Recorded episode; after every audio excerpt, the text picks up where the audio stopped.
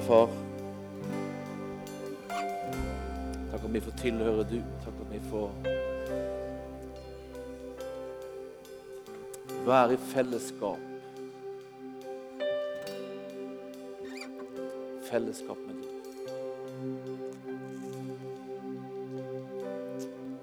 Takk du som er treenig Gud, Far, Sønn og Hellig Ånd.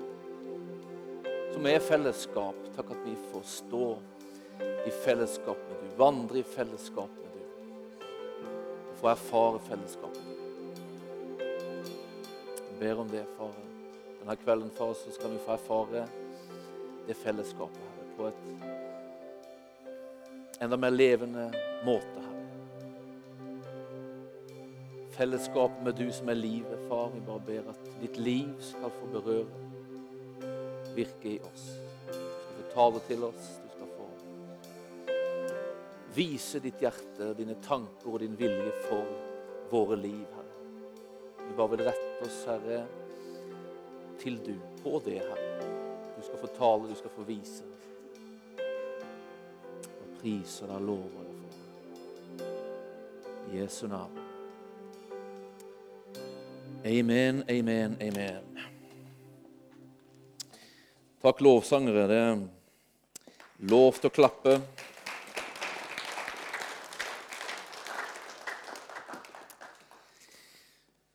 Sånn fin gjeng å se. Skue mitt øye. Det er herlig. Jeg skal tale straks, men før det så eh, ønsker jeg å slippe fram Kirsten Vatne. Kom fram, Kirsten. Men Kirsten Vatne hun, hun um, flytta hit det er ikke så lenge siden. Ja, det begynner å bli en stund siden nå. Opptil flere måneder siden. Det skjer mye på flere måneder. Men Kirsten er ganske ny blant oss, men hun er ikke ny, er ikke ny blant oss. Hun er ny som bosatt i Froland, men, men Kirsten har hatt, og Mia har forlatt et kjempenært forhold til Kirsten gjennom mange år her i Misjonskirka. Kirsten sammen med sin mann Svein har eh, drevet en virksomhet i Colombia i må sånn 30 år? Da er det ganske nøyaktig 30 år. Og, eh, og eh, Misjonskirka støtta så lenge Kirsten og Svein var der ute, så var det et sånt fast støtteprosjekt. Det var våre misjonærer. Etter at Svein døde for to år siden, så har Kirsten fortsatt og uh, ikke bremsa ned. Jeg tror hun kanskje heller har gassa på. Og, som Sigbjørn sa, den generasjonen vi har her i menigheten, av liksom, de som er over liksom, i, i det samfunnet skulle si pensjonsalder Det er enorm, en enorm gjeng med forbilder. Og det er et sånt forbilde vi har fått iblant oss i Kirsten som ikke bremser. Det fins ikke noe som heter pensjonist i Guds rike. Fins ikke i Bibelen, det ordet, faktisk. Og Kirsten er et sånt eksempel på det. Et eksempel til inspirasjon og utfordring. Og, eh, Kirsten var eh, sist nå i Colombia i februar og var med på spennende saker der. og tenkte hun skulle dele hva, hva hun står i nå, og hva hun var med på der i, i februar. Så vær så god, Kirsten. Tusen takk. Jeg skal prøve å snakke fort, så ikke jeg tar mye tid. Så dere kan bare henge på. Jeg har en kassett gående i bilen når jeg er ute og kjører. Og i dag kom han på igjen akkurat den sangen 'Touch Your People Once Again'. Og jeg har sånn en bønn og en lengsel i meg at, at Herrens ånd måtte gripe oss kraftig. At vi kunne kjenne at, det, at vi er annerledes enn verden og, og jeg har et, et vitnesbyrd når jeg er i Colombia. Eh, og jeg, jeg, må jo si det, det står jo i, i eh, det står i, i eh, Romerne 5.5 at håpet gjør ikke til skamme, for Guds kjærlighet er utøst i våre hjerter ved Den hellige ånd. Så hvis det er at vi elsker hverandre, så er det fordi det er Guds kjærlighet som er utøst i våre hjerter ved Den hellige ånd. Og det er den ånden som vi må gjøre levende i oss. Og vi må leve i ånden. Og det står at vi skal vandre i ånden. Og vi skal stole på Jesus. Vi skal stole på at han forlater oss ikke og, og svikter oss ikke, for han er med. Og det er iallfall min erfaring. Jeg har vært ute i Colombia fem ganger siden alene og med noen eh, i, i, eh, siden Svein døde. Og snart blir det den sjette. For jeg må snart ut igjen. Og, eh, og jeg har bare så lyst til å lese også et vers som jeg ba, så kom det så over med dette her verset at, at han som gransker hjertene, vet hva Ånden trakter etter for det er etter Guds vilje at han går i forbønn for de hellige. Og det er jeg så glad for at Ånden i oss går i forbønn for oss. Når vi ber, når vi har noe som står på, så ber Den hellige ånd for oss. Og så følger han oss og leder oss. Jeg syns det er fantastisk å vite. Er Gud for oss, hvem kan da være imot? Og det må du bare lure på. Det er ingen. Er Gud for det, så er det ingen som er imot det. Det kan være mennesker, men det holder ikke allikevel. Og så er det en annen ting også. Som, jeg kan ikke gå noen plass. Jeg kan ikke reise til Colombia hvis de ikke har dette. Og, og det er også det at eh, For vi vet at alle ting samvirker til det gode for de som elsker Gud, de som etter Hans råd er kalt. Men så var det dette ordet, da. Jeg syns det er så flott. Hvem er den som fordømmer? Kristus er den som er død. Og så kommer det Ja, mer enn det, som også er oppstått, og som også er ved Guds høyre hånd, og som også går i forbønn for oss. Stille, hva ønsker vi mer? vi, vi, har noe fantastisk. Og når jeg ute og var ute nå i Colombia, så måtte jeg ta mange taxier. De er billige, så derfor kan jeg gjøre det for å komme frem til bydelene. Og da snakker jeg konstant. Jeg setter meg foran, og der har jeg taxisjåføren. Og da kommer han ikke unna, og da snakker jeg med dem. Da er jeg frimodig i Den hellige ånd. Og Da begynner jeg med å spørre hvordan de har det, og sånn, og så sier jeg det er to makter i denne verden som strir mot oss. Hvem er det? Det er bare to ytterpoler og to makter. Jo, så kommer vi til at det er djevelen og Satan, og det er Jesus og Gud. Det er ikke noe omvei på det. Og så spør jeg de, hva tilbyr Satan det? Hva, er, hva, får du i det livet mot det som er som Gud, som elsker deg? Og så snakker jeg om Jesu Kristi, Guds sønns blod, som renser fra all synd, som setter oss fri og gjør oss til nye mennesker. Jeg syns det det er så godt. Er, vi har ikke noe med å fordømme noen som har tatt imot Jesus. For Jesus fordømmer ikke. Han er død for oss, og han er oppstått for oss. Og han er ved Guds høyre hånd, og han går i forbønn for oss. Hva mer kan vi ønske? Er det ikke fantastisk? Og at det er visst på at verken død eller liv eller engler eller krefter, verken det som nå eller det som skal komme, eller noe makt eller noe høyde eller dybde eller noe annen skapning skal kunne skille oss fra Guds kjærlighet i Kristus Jesus, vår Herre. Gå ut i morgen i dag og så tenk på det. Ingenting. Han er med oss, han er i oss. Noen sier at du tør gå til Colombia. Klart jeg tør det. Jeg går jo ikke alene. Jeg ber jo hele veien, og han passer på meg. Og jeg prøver å snakke med alle folk jeg kan der om Jesus. På labalesk og på engelsk og på spansk. det går, det òg. Men nå skal jeg gå over til det jeg skulle si, da. Og det var Jeg må Unnskyld meg. Ja. Jeg, jeg, må få noen minutter til. For det at, at for, for uh, vel et år siden så skulle jeg tale i menigheten i, på Flekkerøya. Så hadde jeg forberedt meg til den talen, og, og, og jeg visste jeg skulle si og alt. Og så, og så begynte jeg å be der etterpå, og da fikk jeg, fikk jeg et, et, et syn det, det, eller en visjon, eller du kaller det. Men, men, det er veldig sjelden jeg har fått det, så det, det var så spesielt. Men jeg satt og, og, og, og så at jeg sto i, i, i, Barankia, i en by som heter en, en pueblo som heter 20. Eh, juli. Eh, og så sto jeg der, og så så jeg at det var et hav av, av fisk som kokte. Det bare kokte med fisk. og sto der, og, og så sto jeg egentlig eh, på den andre sida av skolen som vi har bygd der. Og så, og så, tenkte jeg det var underlig. Og så var det just som en stemme inni meg som sa Kirsten, der er, der er, der er så mange, men det er ingen til å redde dem.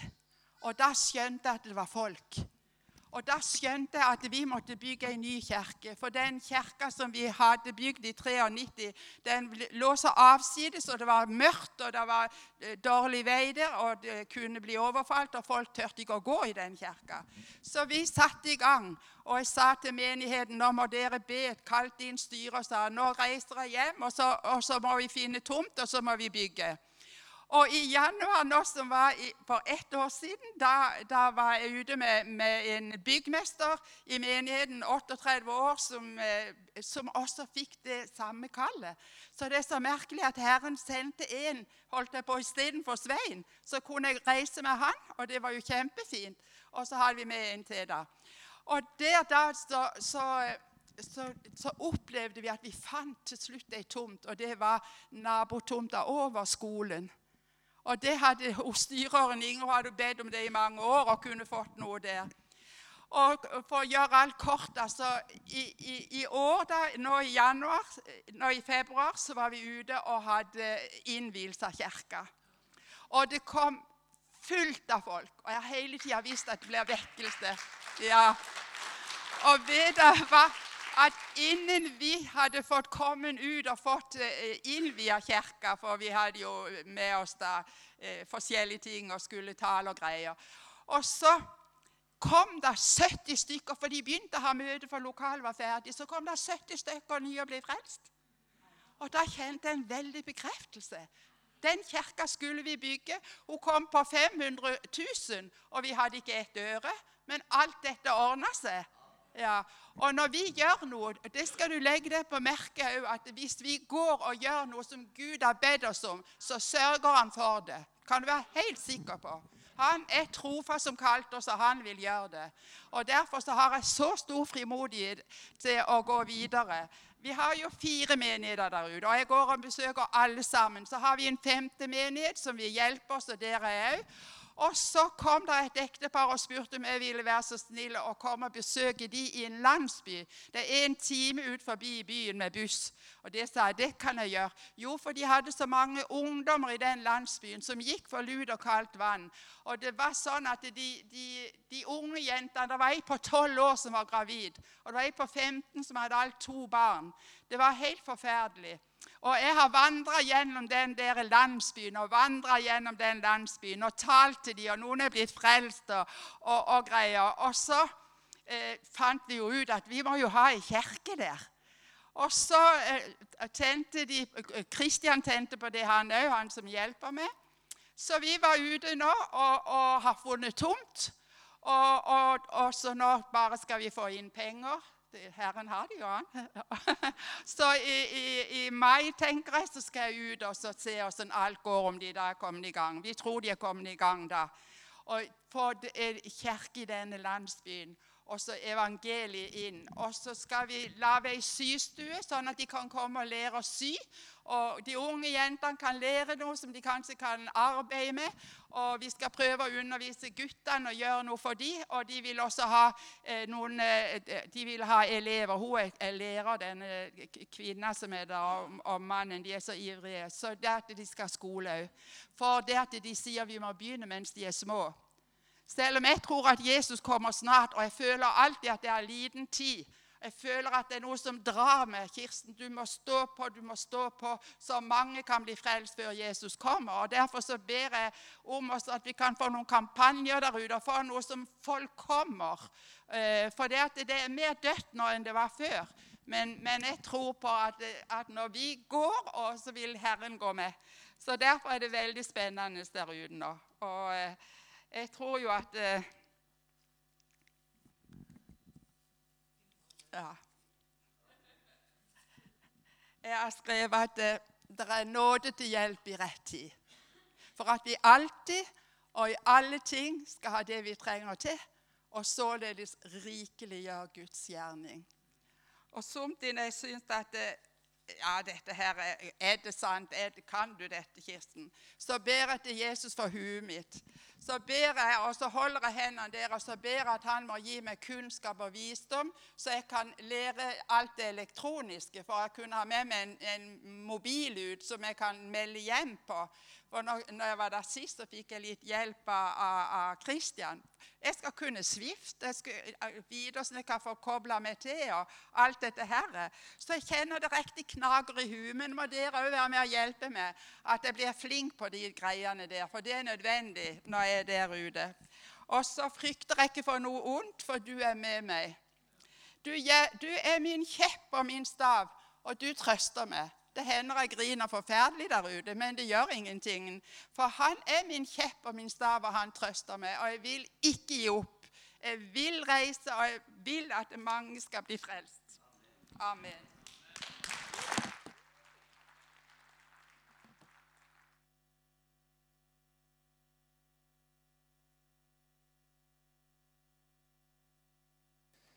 Så herlig.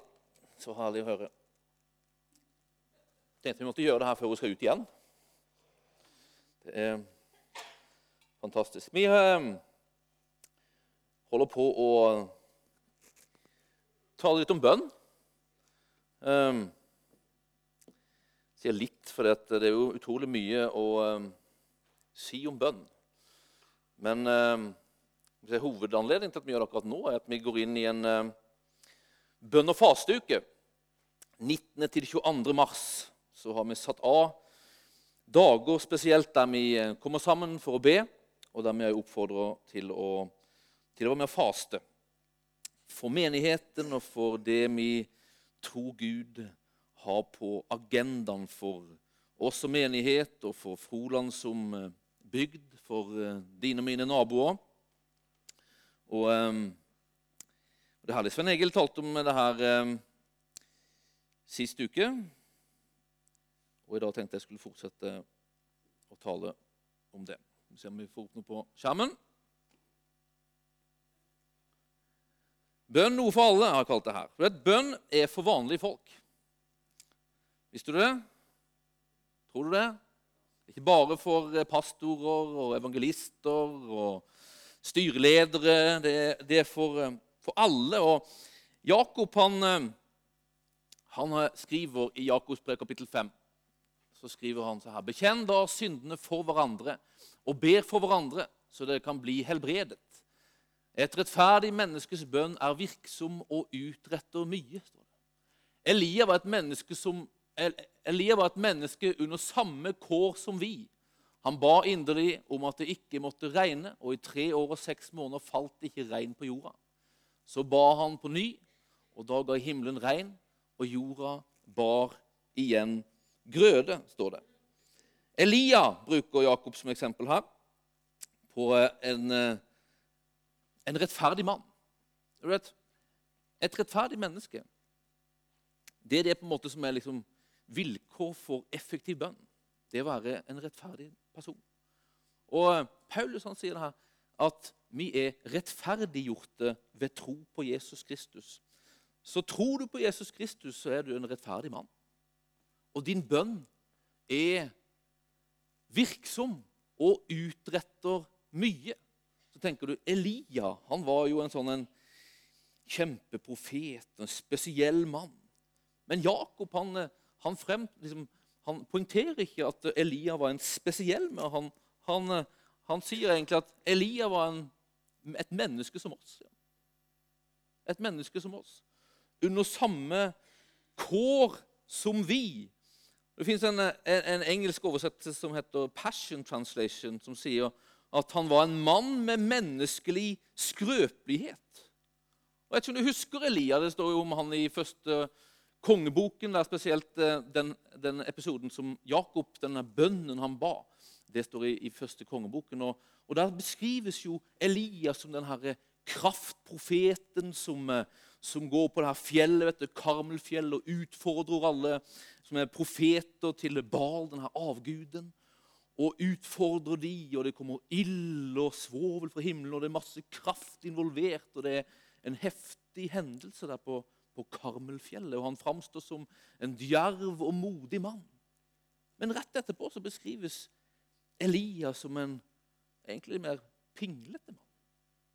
Han får greie på at Jesabel, den her hustruen til kongen i landet, er ute etter han og vil ta livet. Så, så, så rømmer han. Ut i villmarka, står det. Og så ber han en bønn der at, til Gud Ta mitt liv, for jeg er ikke noe bedre enn mine fedre. Det var ikke mye djervhet.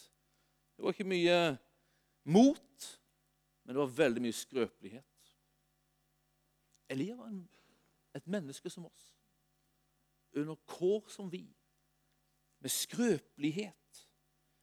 Men på grunn av kan man si her, sin rettferdighet. Og det, sånn er det med oss. Vi er fulle av skrøpelighet, fulle av svakhet. Vi bør ikke være redde for det. Gud er ikke redd for din og min svakhet.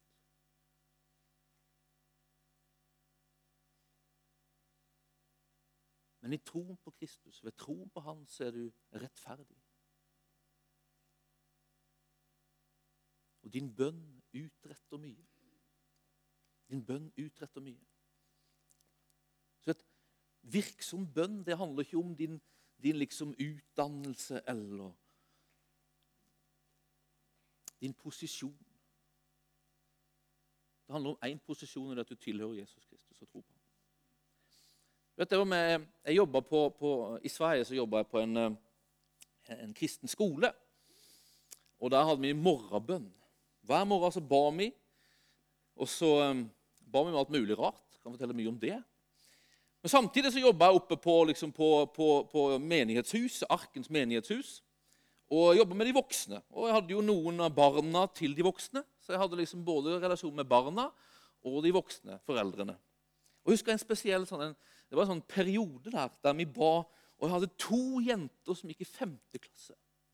Og begge ba nesten hver morgen om å få en hund. Jeg vil ha en hund. Og morgen, liksom, hva, hva skal vi be for i dag? Og det var nesten hver morgen. Jeg vil ha en hund! Og Samtidig så jobba jeg da med foreldrene. Og Jeg husker jeg hørte av og til de foreldrene sa ja, de, de, de ønsker seg en hund, de her døtrene, men kommer ikke på tale. altså. Aldri ha en hund i huset. altså. Det blir vi som må gjøre jobben, og de bare stunter unna. Og, sånn der, det er jo sikkert sant. Og Tida gikk, og de ba om en hund. Og så merka liksom, når tida gikk, så begynte på en måte stemningen å skifte litt hos foreldrene. Og Litt etter litt så skifta det, og til slutt så satt de der. Begge jentene med en hund. Og foreldrene som hundeeiere. Og ei av dem husker jeg ble ordentlig sånn hundefrelst. altså. Hvis du kan kalle det det. Det er et dårlig uttrykk, egentlig, altså, men hun ble en hundeelsker. og hun hadde med hunden av og til på jobben, og jeg satt der og så på bønnesvar. altså. Som de her femteklassingene hadde fått. Og jeg mener, De var ikke noe spesielle. altså. De var femteklassinger, små jenter. Og ikke var de heller så veldig snille. Så jeg vil ikke si det var belønning for det, men det var belønning for bønn. om man kan si det. De trodde på Jesus. De trodde de ville kunne involvere han i sine liv, og ba, og de fikk sin hund. Et rettferdig menneskes bønn er virksom og utretter mye. Gud bruker vanlige mennesker for å gjøre uvanlige ting. Jeg tror vi har hørt et eksempel på det nå. Jeg tror ikke Kirsten er et sånn unikum av et menneske som, som, gjør noe som ingen andre skulle kunnet gjøre sammen med Gud. Hun er et vanlig menneske, men det skjer uvanlige ting gjennom henne. Gud gjorde det den gang gjennom Elia. Han ønsker å gjøre det samme gjennom oss i dag.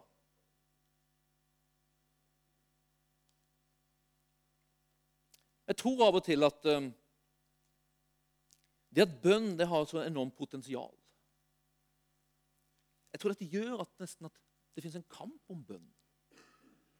Det finnes nesten misoppfatninger om bønn. Og eh, Jeg tenkte vi skulle prate litt om tre sånne som jeg oppfatter som misoppfatninger vi av og til har om bønn, som gjør at vi kanskje gjør bønn liksom litt vanskelig, gjør at vi på en måte til, føler at vi kommer til kort for det, og kanskje hindrer oss til og med i å gå inn i det med, med bønn. Og Den første av de tre misoppfatningene det er at vi av og til iallfall kjenner på at bønn handler om lange og velformulerte setninger. Men bønn handler ikke om det. Bønn handler om din personlige samtale med Gud. Jesus sier det her i Matteus 6. Når dere ber, skal dere ikke gjøre som hyklerne. De liker å stå i synagogene og på gatehjørnene og be for å vise seg for folk. Sannelig, jeg sier dere, de har alt fått sin lønn. Men når du ber, skal du gå inn i rommet ditt og lukke døren og be til din far som er i det skjulte. Og din far som ser i det skjulte, skal lønne deg, står det. Og Det er ikke noe galt i å be offentlig, men det er liksom ikke det som er bønn. Altså, det er ikke det som gjør at det er bønn eller ikke bønn.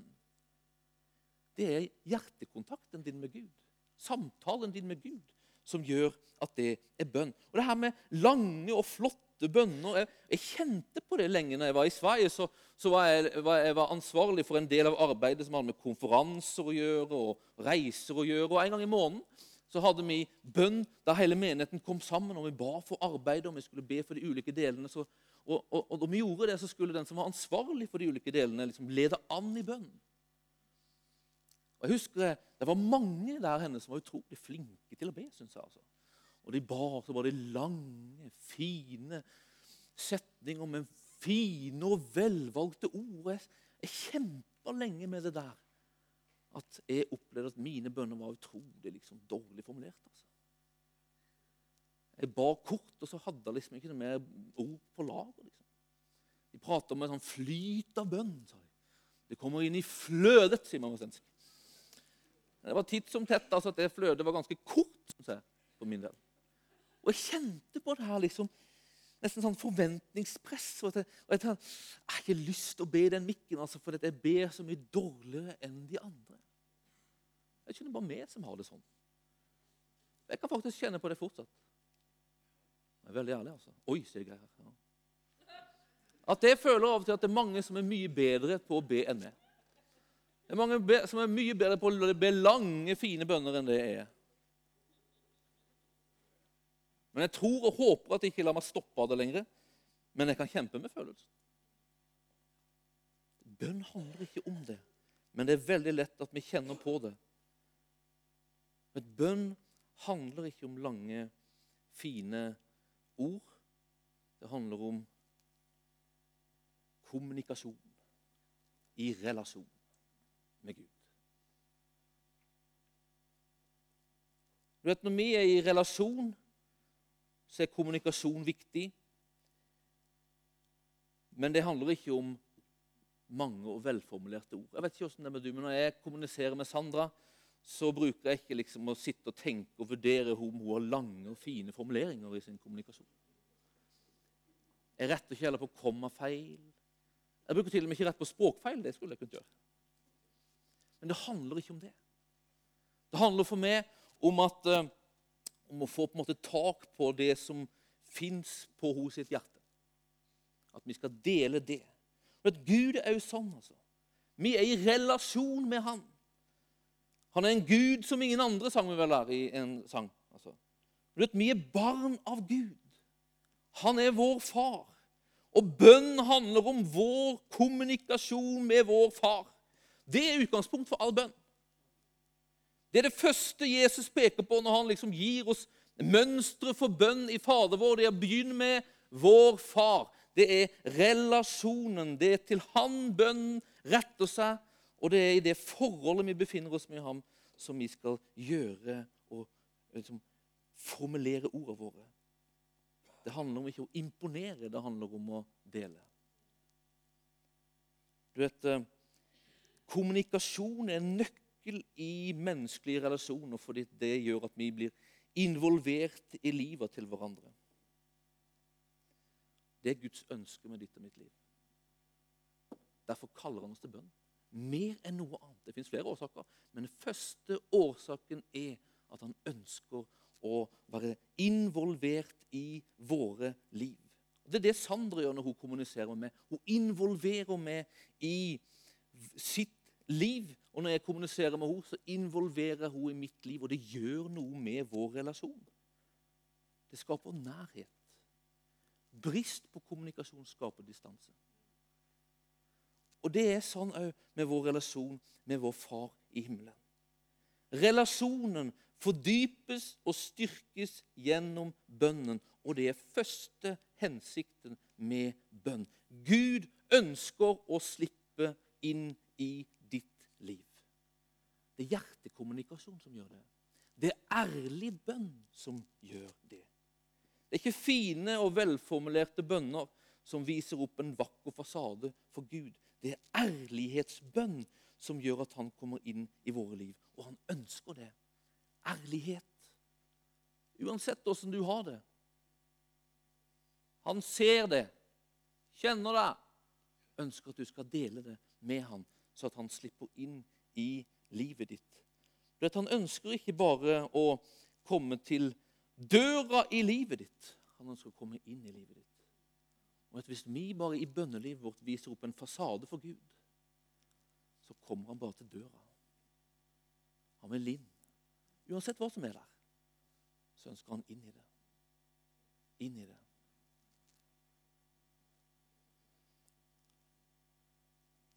Og så handler bønn om at han ønsker å dele hjertet med du. Han ønsker å kommunisere med du. Så det fins et element i bønn å lytte til ham. Et bønn er ikke enveiskommunikasjon, det er toveiskommunikasjon. Gud har et ønske om å dele liv med deg. Han ønsker å få del i ditt liv, og så ønsker han å gi du del i hans liv. Han vil tale til oss. Og vet du hva? Når du er mest mottagelig for å høre hans stemme, det er når du har delt ditt hjerte med ham.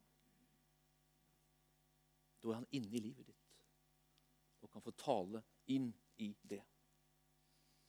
Vi sier av og til at vi ber for å få bønnesvar. Jeg hørte stadig det. At vi ber for å få bønnesvar. Og Det er noe av hensikten, men jeg tror ikke at det er første hensikten. Jeg tror første hensikten det er å involvere Gud i livet våre. Men frukten av at du involverer Han i livet ditt, det er at Han får lov til å handle i livet ditt. Så det er som Frukten av at Han får være del i livet ditt, det er at Han handler i livet ditt. Og Sånn er det òg med oss. Når jeg kommuniserer med Sandra, og hun deler sitt hjerte, hun deler sine, sine eh, eh, behov og, og, og, hva hun står i og holder på med, da får jeg jo en sjanse til å være involvert i det. Jeg får en sjanse til å hjelpe når jeg kan det. Og Sånn er det òg med Gud. Han får en sjanse til å hjelpe og virke i livet vårt.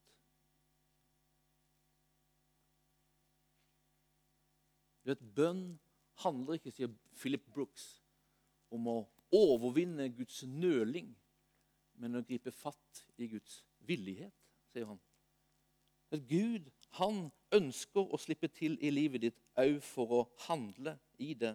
Bønn handler ikke om tigging, men å slippe Gud til i livet ditt.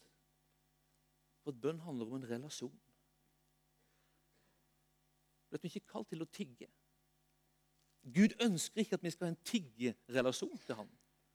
For at vi har en far-barn-relasjon, er det han ønsker. Vet, når jeg går forbi tiggere, så når de tigger, så, så, så, så bånder det på en måte egentlig i at de ikke de vet hvor har, de har meg. De ønsker noe, men de vet ikke hvor de har meg, så de tigger. Jeg hadde en, en erfaring med tiggere i Sverige.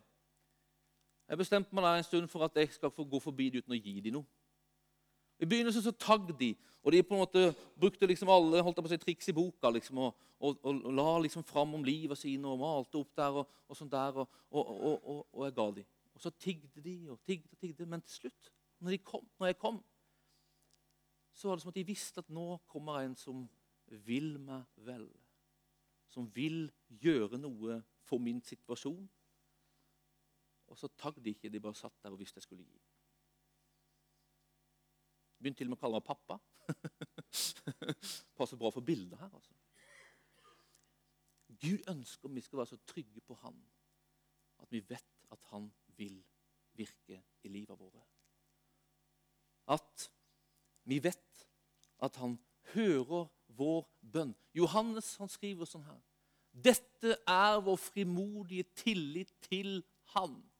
At Han hører oss når vi ber om noe som er etter Hans vilje. Og når vi vet at Han hører oss, hva vi enn ber om, så vet vi at vi allerede har det vi har bedt ham om, skriver han. Det er ganske radikale ord. Vi ber ikke for å overbevise Gud, men vi ber om sånt vi vet han vil. For om vi ber etter hans vilje, så vet vi at han hører. Og når han hører, så har vi allerede fått det, skriver Johannes. Gud er en god Gud. Gud er en god far. Vi gjennom troen på Jesus Kristus står i et barn-far-relasjon til han. Han vil oss vel. Det er den tilliten han ønsker skal finnes i vår relasjon.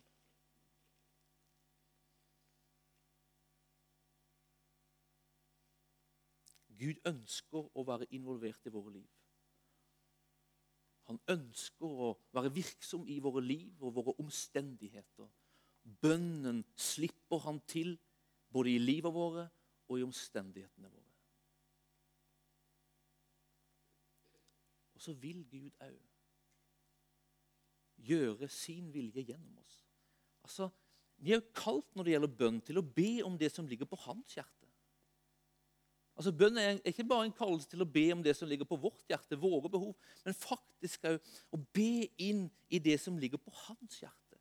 Det er som at han liksom har gjort seg avhengig av at vi slipper han liksom til i de tinga han vil gjøre noe med. Altså Det er som at vi ber han for om at Froland skal bli frelst, eller at mennesker skal bli helbreda. Så er det som at når vi ber han, så slipper vi han til i de situasjonene han ønsker å være involvert i.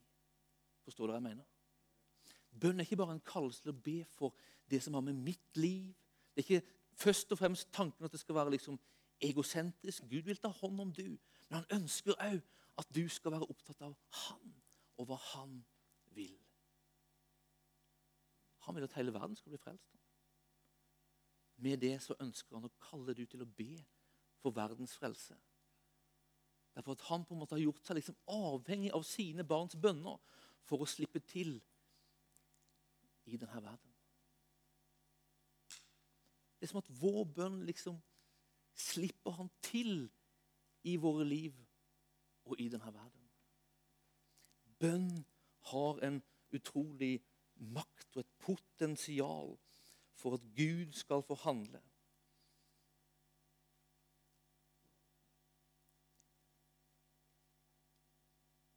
Bønn skjer i relasjon.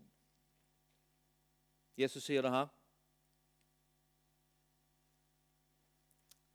Hvem av dere vil gi sønnen sin en stein når han ber om brød? Eller gi han en orm når han ber om en fisk? Når selv dere som er onde, vet å gi barna deres gode gaver, hvor mye mer skal ikke da deres far i himmelen gi gode gaver til dem som ber ham, står det. Det er tilliten i bønn. Gud er en god Gud som vil være virksom, som vil være involvert i ditt liv og i den verden vi beveger oss i. Ut fra den relasjonen så gjør vår bønn at han får slippe til å virke med sin kraft. Sin kraft. Åpenhet, ærlighet i kommunikasjonen med en Gud som er far. En Gud som er far.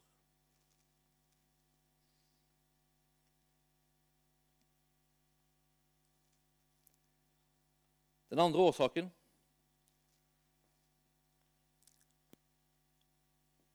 Det viktigste med bønn er ikke de spesielle eventene, men det er en trofasthet i det ingen ser. Det er jo dårlig reklame egentlig for bønneuke. For det er jo en slags event. Men jeg står for det at det viktigste er ikke at du kommer i bønneuka, faktisk, selv om det er viktig. så kommer jeg tilbake til det. Men det viktigste er det som skjer i det private, i det stille, i det enkle, i det usynlige. Be, så skal dere få. Let, så skal dere finne. Bank på, så skal det lukkes opp for dere. For den som ber, han får, og den som leter, han finner. Og den som banker på, skal det lukkes opp for. Det handler om bønn som er trofast, som er utholden. Det står egentlig der på, på, på grunntekst Be og fortsett å be, så skal dere få. Let og fortsett å let, så skal dere finne.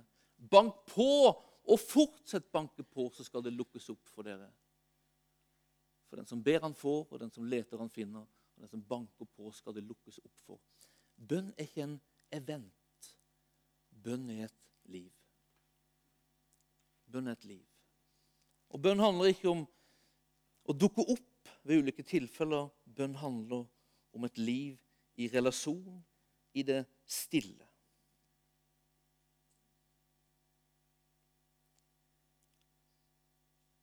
Og Det er ikke en komplisert bønn i det stille som forandrer. Det er den enkle og ærlige som slipper Gud til. Jeg er på Gjøvik nå om dagen. Og Der er jeg sammen med en som dere kanskje kjenner, Andy Glower, som var her og hadde farskjært i skole i fjor. Og Han fortalte en historie her om en, om en pastor i Amerika som heter Ed Pjorek.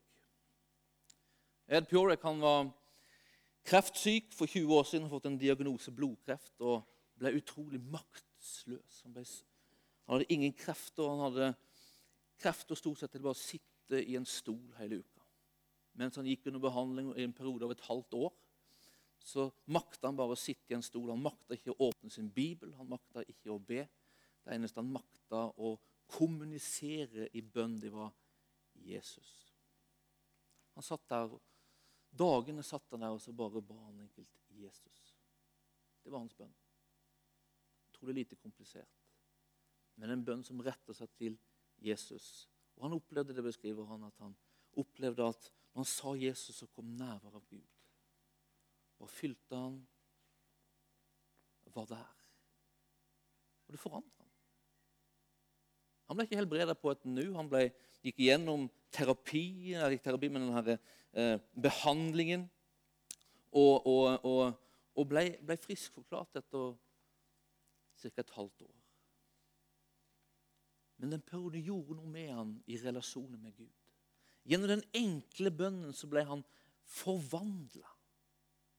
Og han skriver det Kreften forsvant, men den enkle bønnen, den varer videre. Sånn. Han prater om denne enkle bønnen som forvandler livet vårt. Heidi Baker er et annet eksempel som beskriver hvordan hos bønneliv ofte kan bestå av en enkel bønn. Herre Jesus Kristus, vidunderlig frelser, se i nåde til meg, din elskede. På den måten så slipper Gud til i livet, så han får prege og virke i og gjennom henne.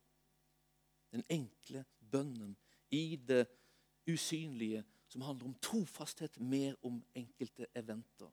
Jeg tror mange av oss òg er på en måte et eh, produkt av andres trofasthet i bønn. I det skjulte og i det trofaste så finnes det så mange helter iblant oss. Er et produkt av bønn.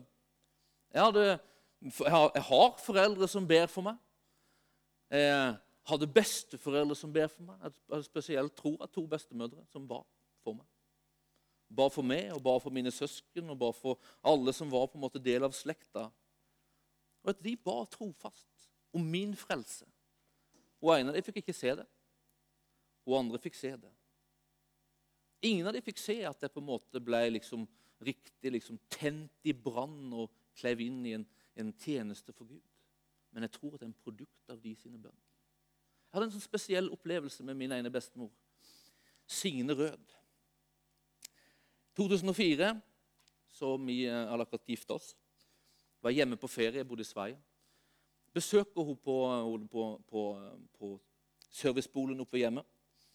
Besøkte hun der, og, og hun har alltid for meg liksom bare vært stille, forsiktige, gode bestemor.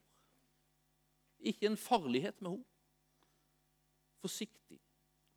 Den gangen så kom vi inn, Første gangen vi kom inn på hvordan denne menigheten kom til. De var med i det og involvert i det. Og hun beskrev en, en tid av vekkelse som jeg syntes var voldsom. Altså. Og at de var en del av det og sentrale brikker, det sjokkerte meg. Altså, hun beskrev bønnemøter som liksom varte og rakk til langt på natt, og de kom, skulle prøve å ta seg hjem, men de var så prega av Den hellige ånd så at de kunne stoppe liksom etter 50 meter og ligge i, i brøytekanten og fortsette å be. altså. Jeg prata med pappa i dag, Han beskrev liksom at hvordan, hvordan han hadde hørt at de, de, de, de, kom hjem liksom langt på natten, nesten så det bare var å liksom snu i døra og reise på jobb. Det var vekkelsestider av et enormt slag som de var med på. Og Jeg husker jeg satt der og ble helt sånn sjokkert. Og fikk et helt annet inntrykk av stille, forsiktige bestemor. Så reiste jeg derfra. Og så husker jeg at jeg hadde en sånn følelse av at det her er siste gang jeg prater med henne. Ingenting tyda på det. Hun var frisk og rask og pigg og klar. En måned etterpå så får hun slag. Blir raskt dårligere og dør før jeg rekker å treffe henne igjen. Det var siste gang jeg traff henne. Og det der prosesser sånn med, for Jeg opplevde mer og mer som tida gikk, og jeg tenkte på det. Så var det som at hun, uten at hun visste det, hadde lagt noe på mitt liv. Nesten som en slags arv. At nå er min tid over, nå skal du ta det her videre. Det er livet. altså. Og jeg tror på en måte at det, det var liksom noe som skjedde der. liksom. Og jeg tror faktisk at det var et produkt av hos bønn for mitt liv. Jeg tror det. Bønn i trofasthet og styrke gjør noe. Og det gjør noe langt mer enn vi kan forstå. Og til og med kanskje lenge etter at vi ikke er der lenger. Så bærer vår bønn frukt. Så vær trofast i bønn. Vær trofast i det stille, i det enkle. Det handler ikke først og fremst om event. Det handler om trofasthet. Trofasthet. Gjerne der ingen ser. Men så er det den siste punktet, da. At det fins en dimensjon i det å komme sammen som forløser Guds kraft. Men når vi kommer sammen i bønn, så ligger ikke den kraften i et høyt volum, men i sterk enhet. Jeg har ingenting imot høyt volum, men jeg vet at det fins en slags nesten sånn herre nesten en sånn her eh, spiral i det at man ber høyt og skriker høyere. og Man kjenner på at jeg må, skal jeg være del av denne enheten, så må jeg bidra med å skrike og rope og være med og be, be høyt. Men det viktigste er ikke når vi kommer sammen i bønn, at vi roper høyt, men at vi står sammen. Derfor Når vi kommer sammen til en bønneuke, så inviterer vi deg til å komme. Vi inviterer deg ikke hvis du ber høyt eller hvis du bidrar. Vi inviterer deg til å komme og stå sammen med oss. For når vi står sammen, så er det som et slags, nesten et slags nedslagsfelt for Guds liv og velsignelse. Sånn skriver David i Salme 133. Se hvor godt og vakkert det er når brødre bor sammen. Det er som den fine oljen på hodet når den renner ned i skjegget. Arons skjegg. Nedover linningen på kjortelen. Det er som dugg fra Hermon når den faller på Sions fjell. For der gir Herren velsignelse, liv til evig tid. Der gir Herren velsignelse. Det er stedet der brødrene kommer sammen. Det er som et punkt, en plass, der Guds liv og kraft nærmest kan liksom slå ned. Renne ned. Jesus underviser også det her i Johannes 18. Så, leser han, eller skriver han, eller sier han fra vers 19, og dette sier jeg dere. Dersom to av dere her på jorden blir enige om å be om noe, altså blir enige om å be om noe, hva det enn er, skal de få det av min far i himmelen. For hvor to eller tre er samlet i mitt navn, der er jeg midt iblant dem. Kraften ligger i enigheten. Det står ikke at de blir enige om å be om noe, og at den bønnen er fint formulert og høyt ropt ut. Det er enigheten som forløser kraften. Eller som slipper Gud til med sin kraft å være virksom med under og mirakler. Bønn har uvanlig, et uvanlig potensial, men det skjer gjennom vanlige mennesker. En historie under andre verdenskrig var det en elitestyrke bestående av 300 000 menn fra den britiske hæren som var fullstendig omringa i en liten fiskelandsby i Frankrike. Og Den var omringa av en høyt liksom utrusta, sånn mekanisert tysk hæravdeling med masse utstyr og stæsj. Og de hadde en veldig liksom, militær styrke. Umiddelbart før denne krisesituasjonen så arrangerte det engelske folket et nasjonalt bønnemøte og begynte å be seg gjennom til Gud. Statsminister Winston Churchill han, han satt eller lå ved en benk i, i, i Westminster Cathedral og ba. Alle fabrikkarbeidere begynte å be i sine fabrikkbygg. Husmødre ba i sine hjem, og studenter ba på skolene. Og merkelig nok, når denne situasjonen inntraff, så begynte været i Frankrike å forandre seg. Et enormt sterkt regnvær begynte å komme ned i sterke strømmer akkurat på den dagen som tyskerne hadde planlagt å sette inn sitt avgjørende støt. Gud hørte de sin bønn og svarte. Og Som følge av det her så unnslapp 300 000 britiske soldater den dagen. Det her mirakuløse bønnesvaret fra Gud det er nedskrevet i arkivet i den engelske krigshistorien. Det engelske krigsarkivet har denne historien nedskrevet. Så merkverdig framsto den. Kraften i enhetsbønn. Vanlige mennesker.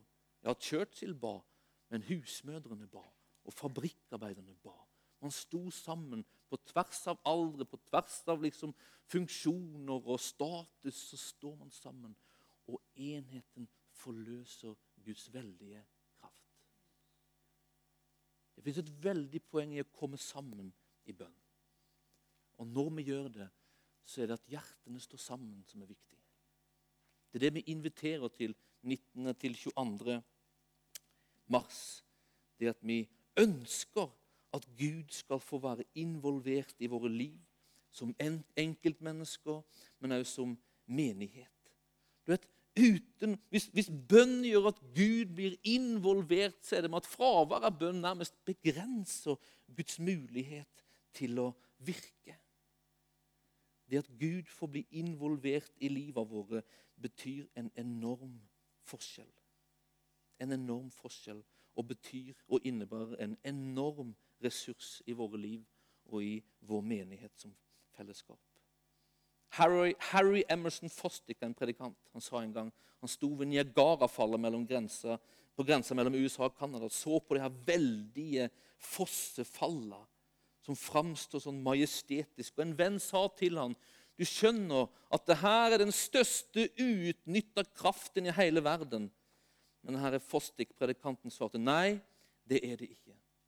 Den største uutnytta kraften i hele verden, det er bønnen. Det er bønnen. Det er bønnen. Vi ønsker at den skal være en del av vårt fellesskap, en del av våre liv. At Gud får være så involvert og virke som han vil. Bønn handler ikke om å tigge og påvirke Gud. Et bønn påvirker oss mer enn det påvirker Gud. Men det tillater Gud å være Gud i våre liv og være Gud i vår menighet, sånn som han ønsker. Amen. Amen. Himmelske Far, vi bare kommer til deg. Og bare ønsker, far, at tida som kommer her, skal være en tid der vi fornyer, Herre, vår, vår bruk av tid i bønn. Vår tro på bønn. Vi ønsker at vi skal være et folk som tror på bønn.